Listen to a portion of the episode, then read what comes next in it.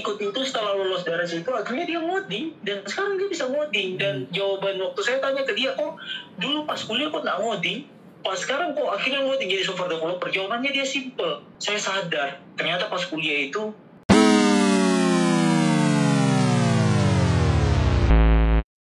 Ini adalah episode lanjutan dari episode sebelumnya. Buat yang belum mendengarkan episode sebelumnya, silahkan cek di list podcast ini. Selamat mendengarkan.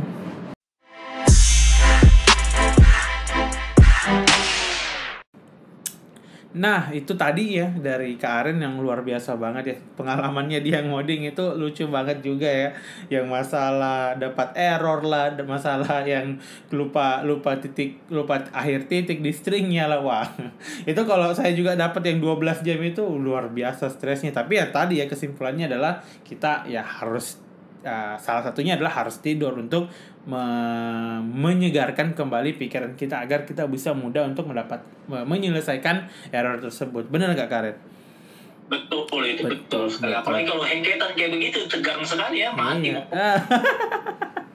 Oke, nah jadi sekarang kita bakalan fokus untuk menjawab uh, pertanyaan-pertanyaan, uh, menjawab ki- keluh kesah dari dari followers yang memberikan pengalamannya mereka kenapa dia tidak mau lagi untuk ngoding nih Karen. Nah ini sangat seru. Nah, mungkin Karen juga bisa jawab dan kita sama-sama discuss lah. Nah ada dari yang pertama ya, saya sebutnya ini si Mawar. Katanya tidak Nah, katanya tidak dapat kenapa dia berhenti tidak mau lagi untuk ngoding karena dia tidak dapat feel-nya ngoding. Susah pahami artinya tiap kode, bukan passion ngoding. Kalau mau lulus ambil jurusan yang betul-betul sesuai passionnya. Karen, saya pengen nanya nih Karen. Passion itu kayak gimana sih sebenarnya Karen? Oke, em, kalau pertanyaannya adalah passion itu apa ya? Pendapat saya pribadi itu kayak passion itu sesuatu yang kamu mau korbankan banyak hal untuk mencapai tujuan itu. Hmm. Yang pertama. Yang kedua adalah sesuatu yang kalau kau kerjakan terus-menerus itu walaupun kau bosan kau akan kembali ke situ. Nice. Dan yang ketiga adalah itu kayak perasaanmu terhadap sesuatu atau seseorang di mana kau akan selalu intuit ke bagian itu walaupun kau tahu seberapa susahnya itu ya itu passion menurutku. Oke, kalau tadi ini dibilang tidak ada feel-nya ngoding, itu cara kalau menurut Karen itu cara dapat feel ngoding itu seperti apa sih? Memang ya sebagai sebagai seorang programmer itu mood jadi pionir utama ketika Ya, kita benar. mau ngoding. Benar benar Uh, benar. Dan mood tiap-tiap programmer itu kadang-kadang beda. Ya. Hampir tiap-tiap programmer itu untuk membuat moodnya itu beda. Ada yang teman saya misalnya di kantor mood ngodingnya itu berdasarkan kebersihan lingkungannya. Oke.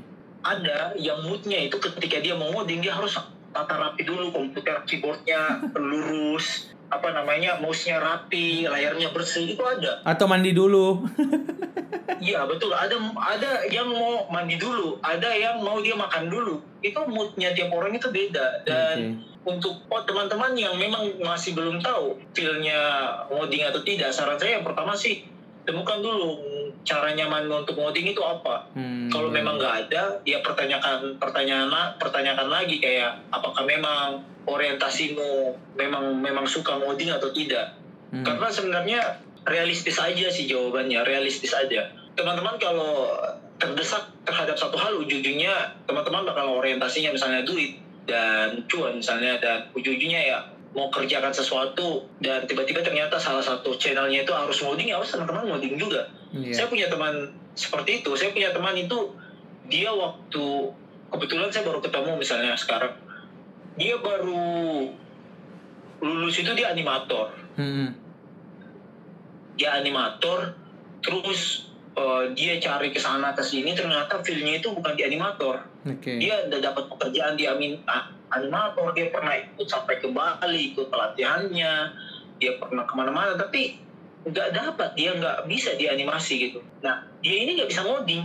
Oke. tapi cerita uniknya tetapi di ada lowongan di mana gajinya lumayan posisinya lumayan di salah satu daerah di Indonesia gitu. Dan ada kebutuhan mendadak di kehidupannya di mana dia harus cepat dapat eh, misalnya tunjangan dapat dapat biaya hidup. Ya akhirnya dia ikut bimbel dia ikut dengan belajar khusus pemrograman banyak tuh kan kalau di Indonesia yang paling terkenal misalnya Hackett A Ya. dia ikut itu niat dia niat memang. Dia ikut itu setelah lulus dari situ akhirnya dia ngoding. Dan sekarang dia bisa ngoding. Dan jawaban waktu saya tanya ke dia kok dulu pas kuliah kok nggak ngoding? Pas sekarang kok akhirnya ngoding jadi software developer? Jawabannya dia simple. Saya sadar ternyata pas kuliah itu orang mengajarkan cara-cara belajarku salah dan Hmm. orang yang mengajarkanku salah Iya, akhirnya iya. apa dia dapatkan sama kuliah itu tidak pernah dia dia pikir codingan itu susah kayak ibaratnya tuh kayak dulu Benar. kita pikir matematika susah ternyata gampang gitu pas dapat durian tepat Bener bener bener bener. Jadi aku juga berpikir yang sama ya Karen ya. Jadi eh, sebenarnya kalau masalah eh, susah pahami kode mungkin dapat feel ngoding itu bukan berarti kalian yang nggak bisa ngoding. Tapi mungkin Betul. ada ada timing di mana ada ada momen di mana memang yang ajari kalian itu eh, caranya mungkin tak sesuai dengan eh, harapannya kalian untuk untuk dapat untuk dapat eh, pelajaran ngoding. Nah, sarannya dari tadi kalian saya juga setuju nih, yaitu adalah eh, kita harus cari orang yang bisa ajari kita ngoding. Jadi kalau memang teman-teman pengen belajar ngoding dan misalkan belajar ngoding di A itu teman-teman gak dapat feel-nya ngoding, susah pahami artinya tiap kode, mungkin saran dari kita adalah mungkin kita apa kalian harus cari uh, mentor baru atau teman belajar baru atau mungkin cari timing belajar yang baru. Karena tadi yang dibilang teman Karin itu benar banget sih. Maksudnya kalau misalkan teman-teman pengen belajar ngoding dan teman-teman nggak ngerti karena pelajarannya sulit itu bukan berarti teman-teman yang nggak bisa. Tapi mungkin lingkungannya harus Betul. cari yang lingkungan yang dan baru. support. Benar benar benar benar jadi cara ya delivernya itu cara deliver ilmunya tuh salah. Iya benar benar benar. Untuk menemukan cara deliver yang itu tuh ada momennya. Momennya tuh kalau bukannya memang karena waktu mungkin ada orientasimu orientasi kehidupanmu yang memaksamu seperti itu. Memang semua ada momennya. Jadi kalau yang si Mawar ini yang bertanya seperti itu ya saran dari kami adalah ya cari eh, cari momen yang tepat untuk belajar atau eh, cari teman belajar atau cari mungkin yang tadi dibilang sama Karen itu cari mentor. Atau mungkin kalau misalkan mau benar-benar serius sama belajar mungkin ikut yang bimbingan belajar Iya, coding kalau tadi. punya uang Kalau eh, kalau punya uang. serius dan pengen dipaksa supaya maju terus ya ikut Mm-mm, ya, ya ikut bimbel. Ya, yakin kalau bimbel ya pasti teman-teman juga bakalan diajari sesimpel mungkin. Karena mungkin kebanyakan konsepnya bimbel begitu ya Karen ya itu bakal diajarinya sesimpel mungkin yang kalau misalkan mungkin teman-teman tidak ngerti pasti bakalan diganti eh, instrukturnya atau mentornya di sana Kalian itu juga kan pasti nanti bakalan timbul rasa bahwa kalian nanti merasa cuma-cuma, jangan sampai cuma-cuma belajar gitu kan. Jadi akhirnya kalian bakalan belajar sungguh, bakalan niat gitu kan. Karena Siap. kalian bayar dan kalian merasa bahwa benar masa saya sudah bayar mahal-mahal baru saya tidak bisa gitu kan. Nah itu ada dorongan-dorongan seperti itu yang perlu dan saya punya teman yang saksi nyata, saksi hidup. Saya melihat seperti itu. Ada memang bagian programmer yang butuh dorongan, dorongan ekstrim kayak gitu supaya dia bisa sadar bahwa oh, ternyata memang dia bisa coding. ya ya ya yang penting adalah si Mawar keep keep ngoding keep, keep coding. Oke, nah dari yang kedua nih si si anggrek ini Karen ya. Si anggrek, si anggrek. Nah dia punya unek-unek, punya passion dan lebih suka desain. Selain itu kalau dilihat gajinya itu desainer UI UX dengan programmer itu hampir sama. Jadi daripada susah ngoding, mending jadi desainer. Aduh, gimana nih Karen dulu nih? Em, saya nggak bisa terlalu jawab di sini karena ini bukan bidang saya sebenarnya. Untuk Iya. desainer UI UX saya sebenarnya nggak tahu kisaran gajinya desainer UI UX sebenarnya sep- seperti apa kis- kisaran gajinya. Tapi kalau statementnya mirip jika istilahnya dia bilang mirip gajinya antara desainer UI UX sama programmer saya nggak tahu. Dia mungkin sudah pernah research dan sama. Tapi kalau pertanyaannya kalau seandainya memang sama dan dia bilang daripada susah ngoding mending jadi desainer ya itu karena perspektif dia suka desain Hmm, ya benar benar benar. kalau seandainya orang yang bilang perspektifnya suka logik pasti dia bilang lebih baik saya jadi lebih baik ngoding daripada jadi desainer Iya siap siap. ngerti nggak maksud saya Benar benar benar benar.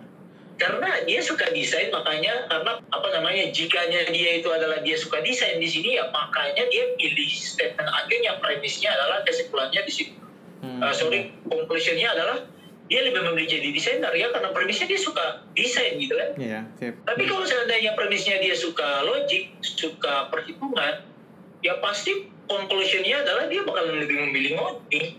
Benar, benar, benar. Nah saya juga gitu Karen. itu dari pertanyaan seperti inilah terbagi yang namanya front end engineer sama back end engineer Mm-mm.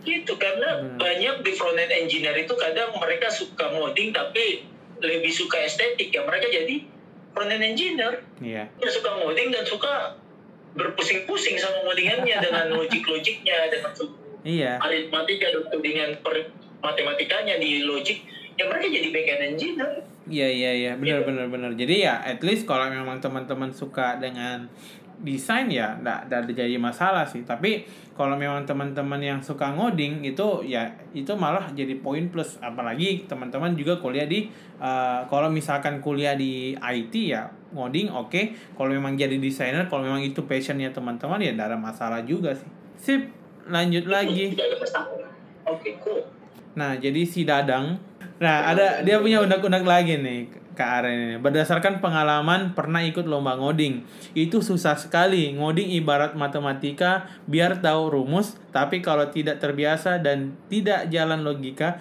susah sekali ngoding. Mau meninggal. meninggoy asik Aduh. udah kayak review meninggal eh, udah, udah kayak review makanan Iya, saja mau meninggal. Tapi itu bener apa eh, ngoding ibarat matematika yang tadi Karen bilang kayak iya ya ya ngoding ya base nya matematika Iya, benar, benar, benar. Biar tahu Logik- rumus. logik logik logika itu salah satu part dari matematik Ya. Tapi algoritma tapi biar tahu rumus, tapi kalau tidak terbiasa dan tidak jalan logika, maksudnya ini tidak jalan logika ini bagaimana ya Karen ya? ya tidak jalan logika ini saya bingung juga Iya. ini bahasanya bagaimana kalau tidak jalan logika tidak jalan hidupmu Iya. sebenarnya karena kamu tidak bisa mengambil keputusan logik itu kan bagian dari keputusan kan bagian dari logik Iya. kalau kamu tidak bisa ambil logik ya sebenarnya hidupmu selama ini tuh apa mengikut bui di lautan Nah iya, jadi logika kan itu contoh kalau kita pengen makan ya Karen nih. Ya logikanya ya pengen lapar. Bisa hidup Kalau lapar, tidak jalan selama ini bisa hidup tidak masuk aduh, ini kita juga nggak mengerti. ya. Tapi mungkin ya, mungkin Masa Karen ya. lapar dia pergi minum kan tidak ya mungkin mungkin mungkin maksudnya gini ya. Jalan tidak jalan logika ya. Kita kita anggap aja ya Karen ya. Tidak jalan logika maksudnya logikanya terlalu rumit mungkin Karen. Logika logika Oh, coding mungkin ya. Kalau iya tapi saya juga setuju dengan Karen. saya juga setuju dengan Karen ini. Kalau tidak jalan logika. Itu kan ibarat dia lapar dia pergi minum. Itu tidak ada hablumnya itu Oke, nah itu coba kita ubah konteksnya mungkin maksudnya tidak jalan logika adalah uh, logika dari programming itu rumit gitu kak. Nah kira-kira ada masukan nggak Karen kalau misalkan uh, apa uh, ngoding baru logi logikanya rumit itu ada saran nggak dari Karen ya, dulu? uh, saya udah pernah tadi tadi sebelumnya saya udah singgung ya bahwa kenapa ngoding itu part besar dari ngoding itu adalah algoritma karena ya memang dasarnya ngoding itu adalah algoritma kalau kita tarik ulur ke belakang ya komputer itu dibangun di atas algoritma Benar Nah, benar. jadi kalau teman-teman nggak belajar mengenai logik, itu sebenarnya teman-teman kayak ibarat mau bangun rumah tapi melayang. Iya iya iya. Nggak mau kayak ada pondasinya, mau kayak melayang-layang di Iya, iya. rumahnya. Tapi mau tetap stay di tempat, ya gimana ceritanya, itu nggak ada hablumnya di situ. Jadi, memang teman-teman ya cara salah satunya harus teman-teman perkuat logiknya. Perkuat logik. Banyak sekali hal di dunia ini untuk, banyak sekali cara di dunia ini, apalagi di internet sekarang, banyak sekali cara untuk teman-teman perkuat logik.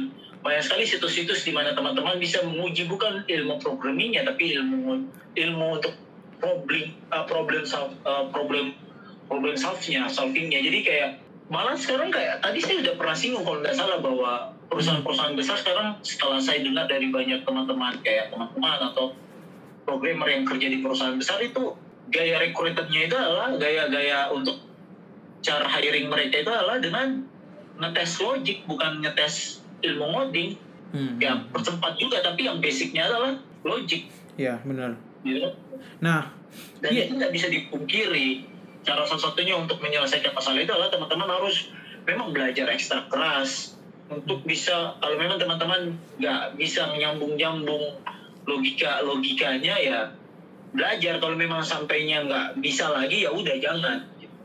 Jangan Hmm. dipaksa kalau memang passionnya bukan di situ.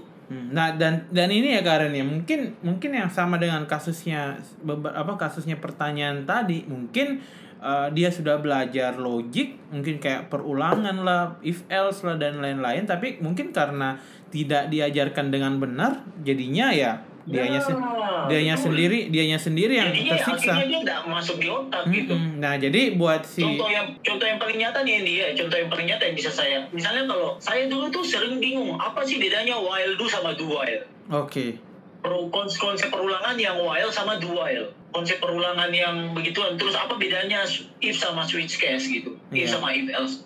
Apa bedanya bikin if manu-manual sama if else. Iya. If baru else baru if gitu kan. Tapi bukan if nanti habis itu if lagi habis itu if lagi habis itu apa bedanya sih sama if sama else. Itu kan Iya. sebenarnya logik Hmm. ya kayak gitu sebenarnya yang sebenarnya simple tapi karena ngajar gaya ngajarnya salah Mm-mm. akhirnya kita nggak mengerti bedanya itu apa Benar, benar, benar. Jadi ya kalau misalkan teman-teman masih belum bisa ngerti dengan uh, logik mungkin ya, ya itu tadi yang sarannya Kak Aren tadi. Jadi pertama ya cari teman yang mau dia apa mau bersedia untuk mengajarkan kita masalah logik terus yang kedua memang cari uh, apa suasana atau mungkin tutorial mungkin agar kita bisa ngerti logik kalau kalau misalkan nggak ngerti lagi ya sudah cari mentor atau mungkin kalau punya uang Ya. berlebih ya kita uh, kursus ngo- kursus ngoding basic ngoding dan saya yakin mungkin Basic coding.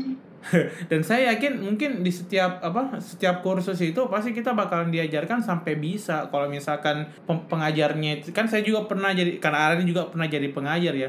Kalau misalkan kita ngajarkan sesuatu ke orang dan orangnya belum mengerti pasti seorang pengajar itu bakalan cari cara lain untuk uh, membuat Iya. kita juga uh, mengerti. Dan itu yang paling iya betul. yang paling ini yang paling penting. Begitu ya Karen ya betul seorang pengajar yang baik itu biasanya dia bakalan jadi beban dirinya kalau muridnya itu nggak mengerti apa yang Benar. diajarkan gitu. Benar, Jadi benar. pasti dia bakalan meminta muridnya untuk bertanya. Benar benar benar. Jadi si Dadang ya kalau misalkan ngoding tidak jalan logika jangan sampai meninggal ya. Ya jangan sampai meninggal ya jangan sampai meninggal. Oke Siap, Bagi- pertanyaannya adalah bagaimana kamu bisa hidup kalau kamu tidak mengerti logika? Iya karena cinta ini juga kadang-kadang tak ada logika ya Iya, asik.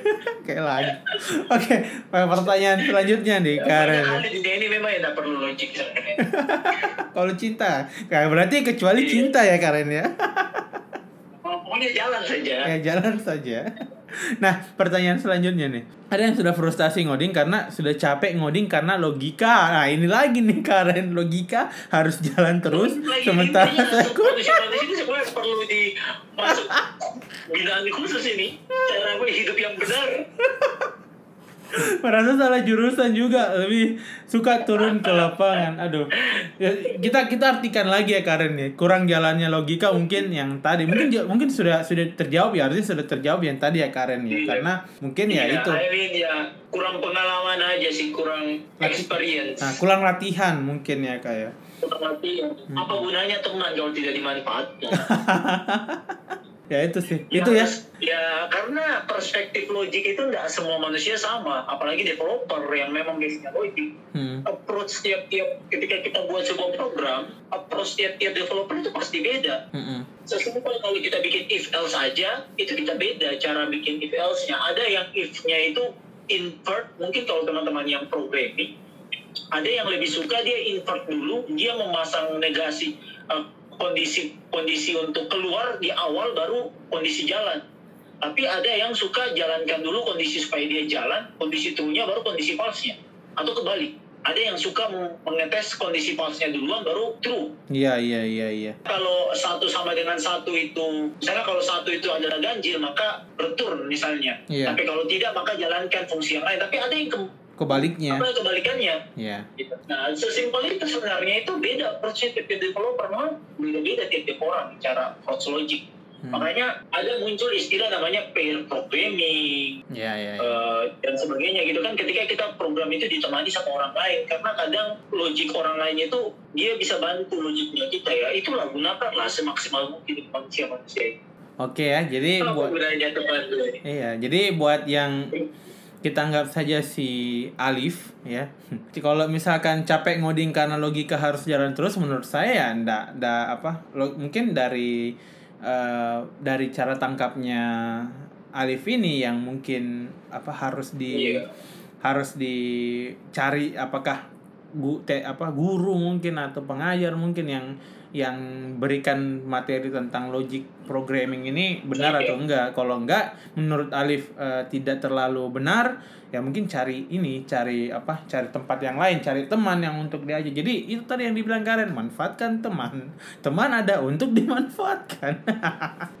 Bercanda bercanda bercanda. Iya betul, teman ada untuk dimanfaatkan. Cari tutor ya, jangan langsung mau meninggoy. iya. Mau meninggoy itu salah itu. Kalau masa cuma gara-gara logik terus bahasanya mau meninggoy itu bahaya itu. Masih banyak jalan menuju Roma. Iya benar benar benar. Nah ada lagi nih dari si rumput ini Karen. Nah ada eh, biasa. ada yang ada yang bilang eh, kenapa dia tidak mau tidak mau apa sudah tidak ada harapan untuk mau ngoding lagi pertama malas. Aduh ini nih. Nah tapi lanjutannya adalah tapi sedikit bercita-cita sama itu. Oh berarti dia malas tapi ada harapan untuk jadi programmer. Kenapa? Karena ada rasa Aduh. penasaranku mau tahu lebih dalam tentang hal ini. Tapi selalu muncul rasa malas untuk melihat semua codingan di laptop. Tapi serasa ada juga yang mendorong. Waduh luar biasa. Ada yang kasih ingat gitu. Eh bilang tidak penasaran kah sama eh, orang-orang yang jadi programmer. Nah lihat tuh penghasilannya lihat tuh kerjanya lihat tuh eh, gimana pentingnya itu orang. Tapi tidak tahu deh. Masih tetap ada rasa malas. Oh jadi orang ini Karen ya si rumput ini sebenarnya dia sudah ngerti kalau programmer itu punya sesuatu value yang besar. Tapi karena dia malas jadinya dia tidak mau lanjut lagi jadi programmer. Jawabannya sebenarnya simpel. Betul. Yang dibilangnya itu sangat sangat simpel. Saya cuma hanya mau sampaikan aja sih bahwa kalau bermulai dari malas ya itu udah salah sebenarnya. hmm, benar Apa yang diharapkan sih dari malas dan mau jago? Ada tuh istilah, jika kamu tidak tahan malasnya belajar, maka kamu harus menanggung perihnya kebodohan. ah benar itu Ya, kalau memang konteksmu kamu udah malas, ya harus kamu, ya kamu sadar perihnya kebodohan itu kayak gimana kalau memang kamu malas belajar. benar benar benar Itu sih, memang istilah itu tuh kadang kalau orang bilang kayak gitu tuh menohok masuk ke hati ya. Emang sih. Kalau Benar. kita malas belajar ya jatuhnya ya kita bodoh ya. Kita sabu ya. Kita harus terima. benar benar. Jadi harusnya ya kalau misalkan udah tahu diri kita malas ya ngapain diteruskan kan ya? Mungkin Iya, mungkin kalau cari mungkin mungkin ya Karen ya kalau misalkan mau cari motivasi ya kita apa mungkin cari teman-teman yang lain. Mungkin kayaknya nih tempat bergaulnya ini ya Karen ya. Mungkin cari teman-teman Iya yang memang eh, punya juga keinginan untuk eh, tidak malas ini tapi ini dalam artian ngoding ya mungkin ya jadi kalau misalkan teman-teman malas ya at least cari lingkungan yang baru di mana lingkungannya mungkin eh, teman-teman merasa tidak malas atau mungkin teman-teman merasa eh, kalau di lingkungan itu kalau kita malas maka kita mungkin bakalan tertinggal begitu gak Karen? Benar. Ya, that's that's that's true. Intinya setelah saya baca nih baik-baik pertanyaannya, dia bahkan dia menutup statementnya dengan ya tapi tidak tahu deh masih tetap ada rasa malas Iya. ya memang salah salah udah udah, udah salah dari sononya udah udah dari uh, apa namanya asbabunnya nuzulnya itu udah salah asal udah salah Dari niatnya memang udah salah ya Karen ya. udah niatnya udah salah ya udah lah. Tapi kalau niatnya udah salah ya belok-belok ke mana pun ya tetap salah Siap. Jadi si rumput ya, at least kalau memang kau sudah tahu eh, programming itu, programmer itu seperti apa, penghasilannya gimana, kerjanya sekeren apa, dan masih ada rasa malas satu aja nih, apa satu aja nih poin yang harus harus tahu yaitu adalah hilangkan rasa malas. Oke. Iya. Nah lanjut lagi nih Karen ya. Eh, pertanyaan lain, si siapa ya? Si kelinci. Ya dia bilang seperti ini Karen. Mau ngoding tapi merasa bodoh, nggak masuk masuk di otak. Mau menyerah tapi udah terlanjur semester 5 di sini, jadi harus diperjuangkan. Ini nih yang paling keren nih Karen. Jadi dia merasa dirinya itu tidak mampu belajar ngoding, tapi dia masih termotivasi karena ah ini udah terlanjur 5 semester ini, jadi harus berjuang. Aduh. Ah, Oke, statement pertama saya adalah siapa kelinci ya? Aduh, saya juga nggak tahu ini Karen. Namanya si Tidak kelinci. tahu siapa namanya. Hai kamu yang di sana, kamu bukan satu-satunya di dunia ini yang merasa seperti itu. iya, ada banyak. Ada banyak cuy, jangan merasa spesial. Banyak Iya. kali orang yang kayak gitu juga. Yang dia baru sadar di semester 5 bahwa dia salah jurusan. Ya tapi harus diperjuangkan. Tadi cerita yang ini serius cerita yang uh, apa namanya yang saya cerita tadi yang temanku itu dia selama kuliah dia tak pernah ngoding dia benci ngoding dan dia jadi animator. Dan ternyata ujung-ujungnya dia jadi programmer juga. Ya karena alasannya karena selama kuliah itu dosen yang ngajar dia itu nggak masuk di otak. Hmm ya ya ya ya. Nggak masuk di otak. Ya mungkin kamu dalam dalam kondisi seperti itu kamu merasa gak bisa, merasa salah jurusan sampai semester lima ini karena merasa bodoh. Karena memang kamu gaya belajarmu itu beda sama yang ada di. Karen, tapi aku dapat mungkin ya, aku dapat kemungkinan ya Karen ya, mungkin kebanyakan orang-orang yang seperti ini itu mungkin bukan salah dari dosennya kayaknya ya, tapi mungkin pertama ya dia mungkin tidak terlalu memperhatikan kuliah dari awal dan tiba-tiba langsung masuk ke ngoding. Nah dia karena dia sudah lewati beberapa apa beberapa materi yang dia mungkin lewatkan dan akhirnya pas ngoding langsung muncullah logikanya uh, apa ya tadi ya, ya yang yang logi tidak masuk tidak masuk tidak apa tidak jalan logika lah. Ya, mungkin karena ya betul, mungkin dari teman-teman jadi kalau kalau saya ya saranku kalau misalkan ada yang seperti itu yang baru apa yang yang mungkin semester 4 semester 5 baru mulai sentuh coding langsung codingnya tidak yang tadi dibilang Karen yang fundamentalnya tidak ada mungkin teman-teman harus cari teman mungkin ya atau mungkin lihat tutorial dan lain-lain untuk belajar dasar-dasarnya dulu yang kayak tadi logic-logic programming yang basic seperti uh, perulangan lah uh, condition if else uh, dan lain-lain dan itu mungkin bisa uh, membuat teman-teman bisa lebih nyaman dalam ngoding begitu nggak Karen? Betul karena tidak bisa kita salahkan selamanya dosen. Ibaratnya gini mungkin saja kalau misalnya gini kalau dari 10 orang dosen misalnya selama kuliah bukan hanya dosen ya di mana pun itu. Iya. Yeah. Misalnya ada 10 orang dan tujuh orang mengerti, tiga orang tidak, berarti bukan salah di dosennya atau bukan salah di pengajarnya. Yang salahnya adalah di tiga orang ini mungkin tidak cocok sama sama gaya pengajaran seperti itu. Hmm, ya benar benar.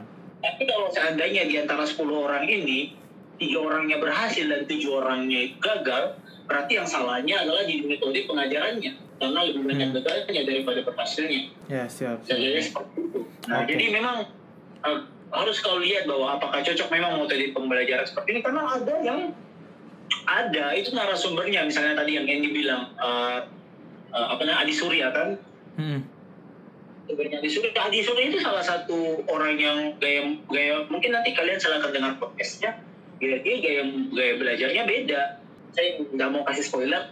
itu salah satu contoh hidup teman-teman yang mungkin merasa di bagian ini yang susah mendapatkan yang sudah kuliah tapi kok nggak masuk masuk nah itu coba kalian dengarkan nanti podcastnya kalian bisa dapat banyak hal dari dia iya siap siap siap. Ya benar benar benar banget tuh Karen. Ini saksi hidup bahwa itu bisa sebenarnya teman salah tempat aja salah jalur aja. Benar benar benar benar. Nah ini uh, dua dua pertanyaan lagi deh dan mungkin kita langsung rekap aja si gelas dan si sendok karena ya. Gelas sama si sendok. Dia nggak mau uh, berjuang di kode di codingan di programming lagi karena dia menyerah kalau sendiri ngoding karena tidak tahu susah pahami arti kode, tapi kalau ada orang lain atau ada yang ajar baru semangat. Nah, yang tadi ya Karen ya, yang apa? Uh, intinya yang cari teman ini teman ya, bukan teman-teman. Iya kalau bisa teman-teman ya ngapain? Tidak ya iya. lah. Iya diusahakan ya Karen ya. Iya kalau misalkan lebih, yang lebih, lebih semangat lagi ya. Iya kalau misalkan yang yang keluh kesahnya adalah cewek, saran saya adalah cari uh, penyemangat yang bisa menyemangati dari sisi kode dan dari sisi perasaan. aja, aja, ya, tapi tapi uh, apa? Ini kayaknya pengalaman deh. Aduh, enggak kak.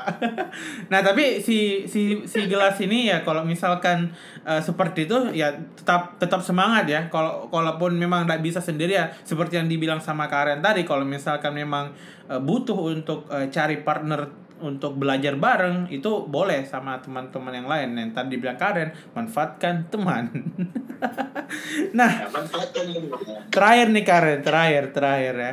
Merasa salah jurusan. Yes. dia merasa salah jurusan. Susah pahami logika tiap kode. Lebih suka yang berhubungan dengan bisnis atau seni. Berarti yang desain tadi ya. Ya ya tadi ya. Bener ya Karen ya. Dari tadi yang iya, penting ya, betul. Uh, uh, gini uh, ini salah satu pertanyaan yang bagus dan jawabannya itu relate mungkin teman-teman nanti bisa nonton series net series Netflix namanya startup bahwasanya nggak semua orang yang bisa ngoding itu ya bakalan jadi programmer seutuhnya dan selamanya ada di mana orang programmer yang dia suka ngoding dan dia suka bisnis ya ujung-ujungnya ya dia bikin startup dia biasanya orang-orang yang kayak gini orientasinya tuh lebih ke dia bakalan jadi project manager, tech lead. Hmm, ya ya. Dia mengerti prinsip coding, dia meresi, mengerti alur ngoding flow, flow dari aplikasi, flow dari produk, project, tapi dia nggak bisa teknisnya. Hmm, ya ya ya. Tapi dia tahu sisi bisnisnya. Nah, orang-orang kayak gini bakalan berakhir di ya kayak tadi project manager, di tech lead yang lebih memahami bukan hanya dari satu sisi teknikal doang tapi dari sisi bisnis, dari sisi seni. Nah, kayak gini kan tadi dia singgung masalah seni kan. Karena seorang tech lead misalnya misalnya kalau di misalnya kalau kita di dalam struktur pekerjaan Ya. di, di misalnya kalau di Upana Studio misalnya di Upana Studio misalnya kalau kita kerja satu project itu selalu ada project manager di bawahnya tuh ada frontman terus ada tester terus ada backend misalnya Hmm. itu yang paling simple nah si project manager ini dia kan bakalan ngurus dari awal tuh Ya. bakalan ngurus dari pertemuan pertama sampai akhir ya setidaknya dia harus mempunyai konsep dia setidaknya tahu fundamental bisnis dia tahu bagaimana seni setidaknya ketika pergi presentasi dan usernya bilang warnanya sekian dia bilang bagusnya kayaknya warnanya ini deh tapi nanti coba saya tanya sana orang front end front end dulu atau tanya orang UI UX ku dulu gitu Hmm, ya ya. Nah ya. orang-orang yang punya basic-basic yang dia punya pemahaman kayak tahu bisnis sedikit, tahu seni sedikit, tahu flow kayak gini, nah itu bakalan berakhir ke orang-orang yang bisa manage kayak gini, apalagi dia jago manage juga kan, Benar benar benar. manage orang. Dia bakalan berakhir ke orang yang project manager. Eh jangan salah, project manager itu gajinya lebih tinggi. Iya karena dia harus memanage semua yang ada di dalam satu project kan ya. Dia memanage manusia-manusia ini yang kadang susah diurus. Programmer. Te- Teman-teman jangan merasa ragu. Selalu ada tempat untuk teman-teman yang nggak bisa ngoding, tapi tahu tahu setidaknya flow kayak gimana itu selalu ada tempat di di dunia IT. Ya. Teman-teman malah orang-orang kayak kalian ini sebenarnya sangat dibutuhkan karena programmer itu kadang dia butuh diarahkan Hmm, benar benar. dan orang-orang yang bisa mengarahkan problemnya itu adalah orang-orang yang dia tidak tahu ngoding tapi dia tahu tentang teknis. Iya. Dia tidak tahu detailnya tentang ngoding, tapi dia ngerti eh, kayak eh, kulit-kulit dari segala teknis itu ya Karen ya. Iya. Betul, dia tahu bebannya setiap pekerjaannya kayak misalnya kamu dikasih sprint ini, misalnya di sprint kau dikasih tas ini, dikasih tas ini kan. Project manajernya tahu bebannya, tapi dia nggak tahu ngoding, tapi dia tahu ini bisa diselesai segini misalnya. Nah itu orang kayak gini diperlukan, Iya. sangat diperlukan malah. Oke, Karen, itu tadi semua pertanyaan-pertanyaan apa alasan-alasan unek-unek yang sangat luar biasa ya Karen ya. Un- Unexpected sih sampai ada yang mau meninggal juga itu unexpected memang. luar biasa. Saya juga kaget juga sih Karen. Terima kasih banyak nih Karen sudah mau menemani diskusi kita kali ini di program Marawam. Nah, tapi sebelum kita selesai mungkin ada eh, ada sedikit tambahan dari Karen enggak untuk teman-teman yang pengen berjuang untuk coding. Mungkin berjuang dalam artian baru mulai kuliah untuk coding, ada yang berjuang karena pengen dapat pekerjaan untuk coding sama yang terakhir mungkin berjuang karena skripsi. teman-teman yang ada sini jangan takut bahwa tiap-tiap orang itu ada masanya. Kalau saya sih kalau saya itu tiap-tiap orang itu selalu ada masanya. Bahwa eh, mungkin saja teman-teman eh, bisa mengerti coding. Ada orang yang berbakat ketika belajar codingan dan sudah bisa mengerti dalam satu tahun dan dia langsung dapat kerja ada yang butuh berbulan-bulan ada yang butuh kursus sana sini itu semua ada masanya tinggal teman-teman kayak cari saja sih model yang paling enaknya kayak gimana Ah, I see. dan jangan lupa yang paling penting itu sebenarnya mentor guru. Terima kasih sudah mendengarkan podcast programmer awam kali ini. Semoga bermanfaat buat teman-teman. Sampai jumpa lagi di podcast selanjutnya yang tentunya dengan topik-topik yang lebih menarik lagi. See you.